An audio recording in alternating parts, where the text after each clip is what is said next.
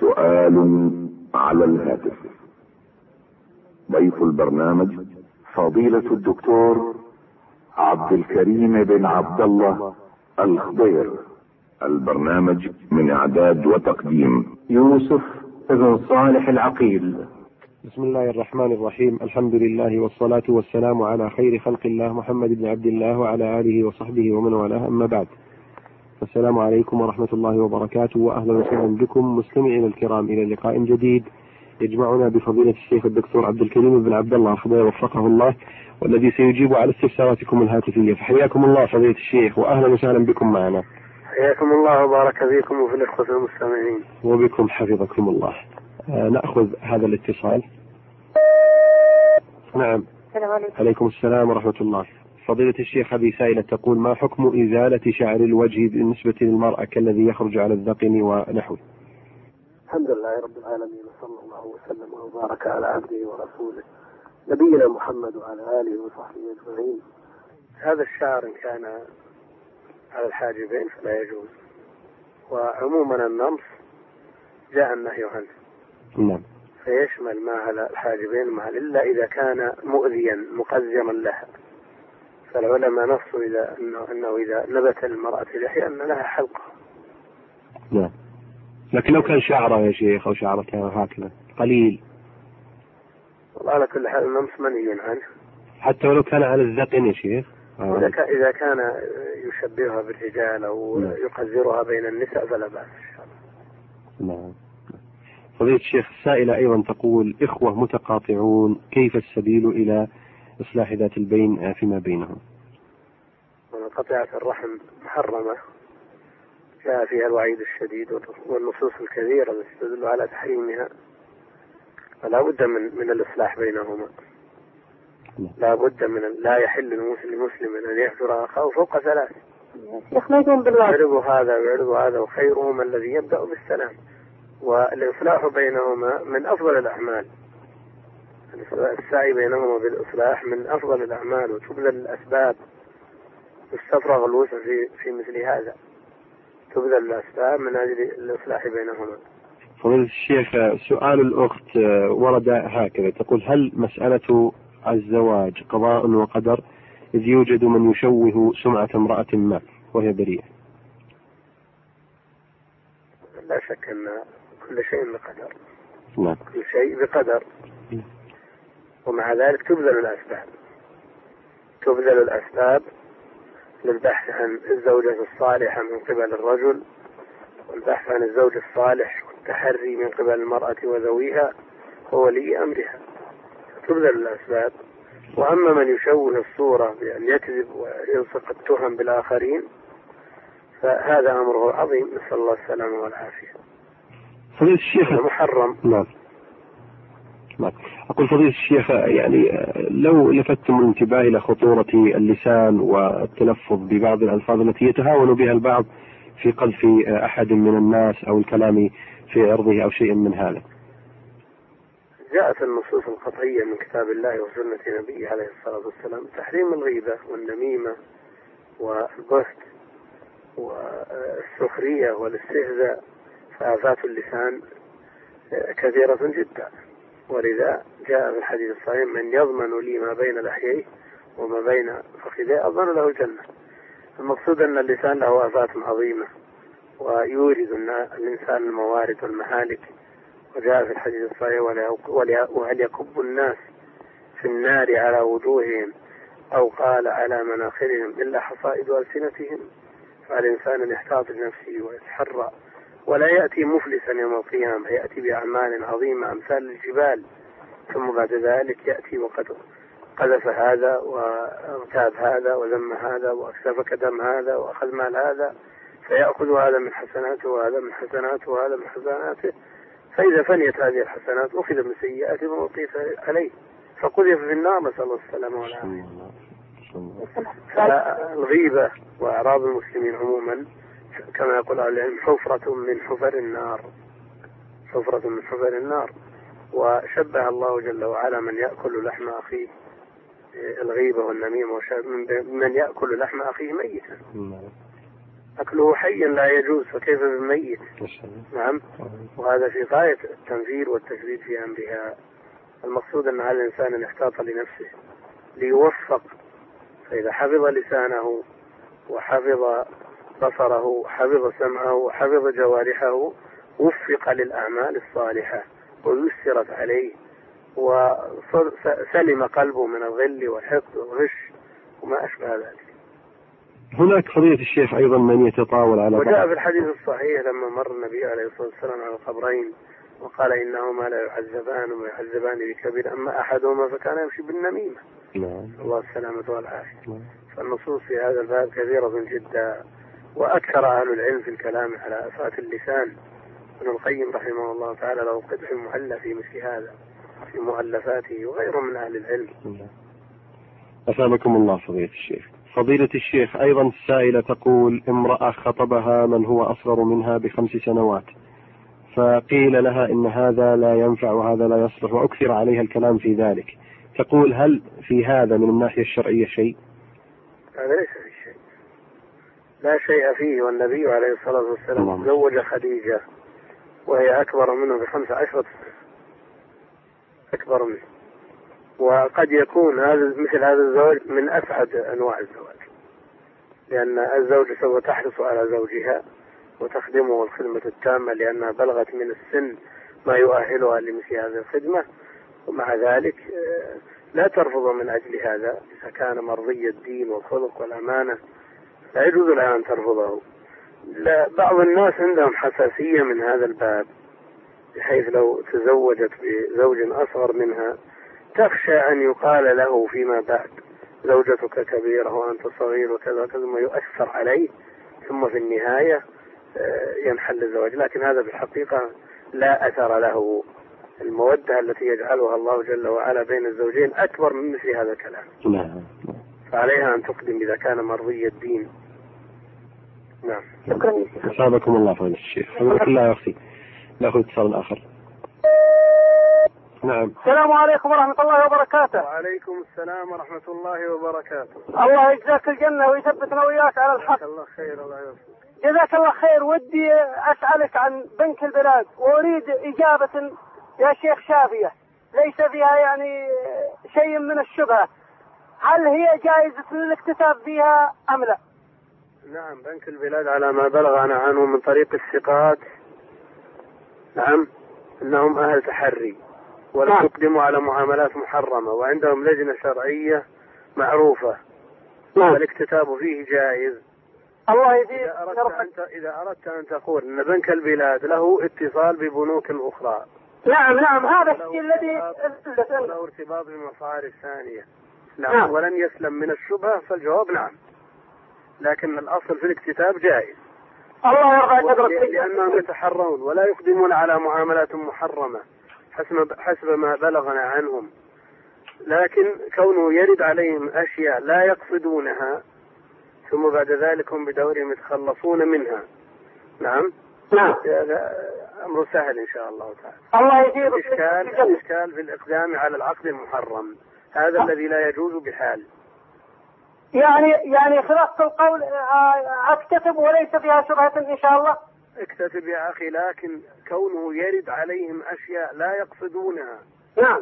لا شك أن هذه تورث شبهة لكن هم بدورهم يتخلصون منها مثل الراجح مثل المصارف الإسلامية. لكن يبقى أن هذه الشبهة في ورود بعض الأموال من غير قصد تبرأ الذمة الذمة منها بالتخلص. الله يجزاك الجنة. بارك الله فيك. شكرا جزاك الله خير وأثابك الله. بارك الله فيك حياك الله يا أخي الكريم. نأخذ اتصال آخر نعم. السلام عليكم. عليكم السلام ورحمة الله. فضيلة الشيخ هذه سائلة تقول إن جدتها عمرها تسعون سنة وإنها كانت تصوم وتضبط صومها لكنها السنة الأخيرة أف- كانت إذا صامت تفطر قبل موعد الإفطار. فما حكم فعلها هذا؟ حفظكم الله. إذا كان عقلها ثابتا إذا كان العقل ثابت نعم. تعقل وتعرف ال- الآثار المترتبة على الفطر وأن صيامها وأن فطرها قبل غروب الشمس يبطل الصوم فهذه ارتكبت محرما أفطرت يوم من رمضان من غير عذر من هذه الجهة وعليها قضاء ذلك اليوم عليها أن تقضي هذا اليوم. أما إذا كان سبب فطرها قبل غروب الشمس خلل في عقلها فلا شيء عليها نعم أثابكم الله فضيلة الشيخ بارك الله. ناخذ اتصال آخر. نعم. السلام عليكم. عليكم السلام ورحمة الله. جزاك الله بالخير. حياك الله أخي. تفضل. السلام عليكم شيخ عبد الكريم. وعليكم السلام ورحمة الله وبركاته. بارك الله فيك يا شيخ. يقول سبحانه وتعالى ولا تأكلوا أموالكم بينكم بالباطل. الآية. ويقول صلى الله عليه وسلم دع ما يريبك إلى ما لا يريبك. من خلال هذه الآية والحديث النبوي يكثر التساؤل حول المساهمات في الشركات والبنوك. وأن هذه المساهمة يتخلون بعض الأشياء. منها مثلا شراء الأشخاص لأسماء غيرهم. ما حكم هذا العمل؟ وما حكم المال المترتب على ذلك للمساهم ولصاحب الاسم؟ أولا أكل أموال الناس بالباطل معروف الحكم حرام. وكذلك الشبهات اتقاؤها على حسب اختلافها ودرجاتها كما جاء في حديث النعمان. نعم؟ نعم. وعلى المسلم عموما أن يطيب مطعمه وأن لا يقدم على شيء إلا يعرف حكم إلا وقد عرف حكمه وأنه حلال. وطيب المطعم فطيب المطعم له أثر كبير في إجابة الدعوة. نعم. كما جاء في الحديث أطب مطعمك تكن مستجاب الدعوة. فعلى المسلم أن يتحرى في هذا الباب ليكون مستجاب الدعوة. نعم. نعم. فشراء الأسماء أو المساهمة في الشركات التي لا تتحرى ولا تتثبت في عقودها ومعاملاتها. نعم. نعم. مثل هذا إذا كانت هذه الشركات تقدم على أمر محرم فالمساهمة فيها حرام. وكذلك إذا كانت تودع ولو كانت أعمالها مباحة لكن تودع من أموالها نعم. نعم. وإذا كانت تودع من أموالها جزءا في البنوك من أجل الفائدة فالإقدام على مثل هذه الشركات حرام. إذ لا يجوز الإقدام على المحرم بحال. نعم؟ نعم. لا يجوز الإقدام عليه. لكن قد يرد الحرام من غير قصد لكثرة الأعمال مثلا. نعم؟ نعم. من غير قصد. فإذا ورد من غير قصد فمثل هذا يتخلص منه. وأما شراء الأسماء والبطاقات ودفاتر العائلة كما يفعل الآن نعم. فهذه ليست بأعيان تباع. ولا منافع فلا يجوز بيعها. ويحصل من الشر والخصام والنزاع بسببها الشيء الكثير. افترض أن شخصا ساهم باسم زيد من الناس. نعم. نعم؟ ساهم باسم زيد من الناس. ثم بعد عشر سنوات واستمر على اسمه. استمر على الاسم الأصلي على اسم زيد. نعم. وبعد عشر سنوات صار صار السهم آه، عشرين ضعف أو ثلاثين ضعف. نعم. لا شك أن مثل هذا يفضي إلى النزاع والخصام وأن زيدا في الغالب سيجحد صاحبه. ومثل هذا الذي يفضي إلى النزاع والخصام لا يجيزه الشرع. وهل يعد هذا من بيع الغرر؟ ما لا، الغرر هو واضح لكن المسألة أقول الغرر ما في غرر لكن الإشكال الإشكال في كونه ليس بمال ولا منفعة. نعم. بيع مال الأصل العقود بيع مال بيع, بيع مال بمال أو منفعة مباحة. نعم. هذا ليس بمال ولا منفعة. فلا يندرج تحت هذا ولا هذا. الأمر الثاني أنه يحصل أو يترتب عليه من النزاع والشقاق والخصومة فيما إذا كثرت الأرباح. نعم. نعم. فصاحب الاسم يجحد صاحبه. وإن خسرت ال- الشركة فصاحب ال- المساهمة سوف يتخلى عن هذا الاسم وسوف يطالب صاحب ال- الاسم بدفع ال- ال- الخسارة. لا شك أن مثل هذا يوقع في خصام ونزاع وجدال والشرع لا يأتي بمثل هذا.